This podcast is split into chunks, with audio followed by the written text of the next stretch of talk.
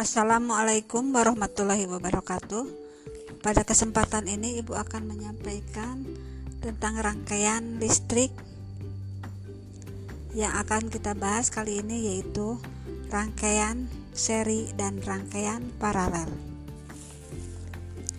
Rangkaian seri disusun secara sejajar.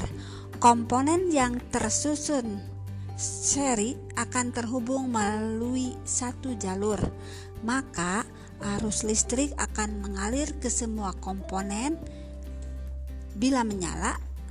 Sebaliknya, bila dimatikan atau rusak, maka semua akan padam.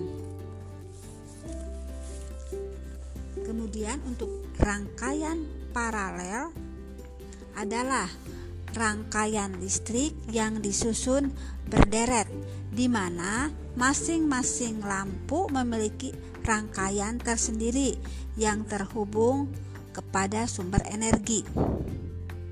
Jadi, bila ada satu atau lebih komponen yang rusak atau dicabut, maka komponen lainnya akan tetap berfungsi tanpa gangguan.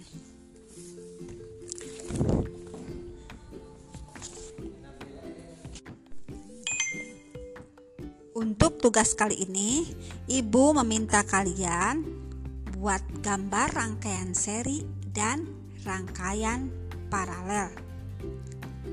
Tulis di buku dan hasilnya kalian share di WA grup. Terima kasih. Wassalamualaikum warahmatullahi wabarakatuh.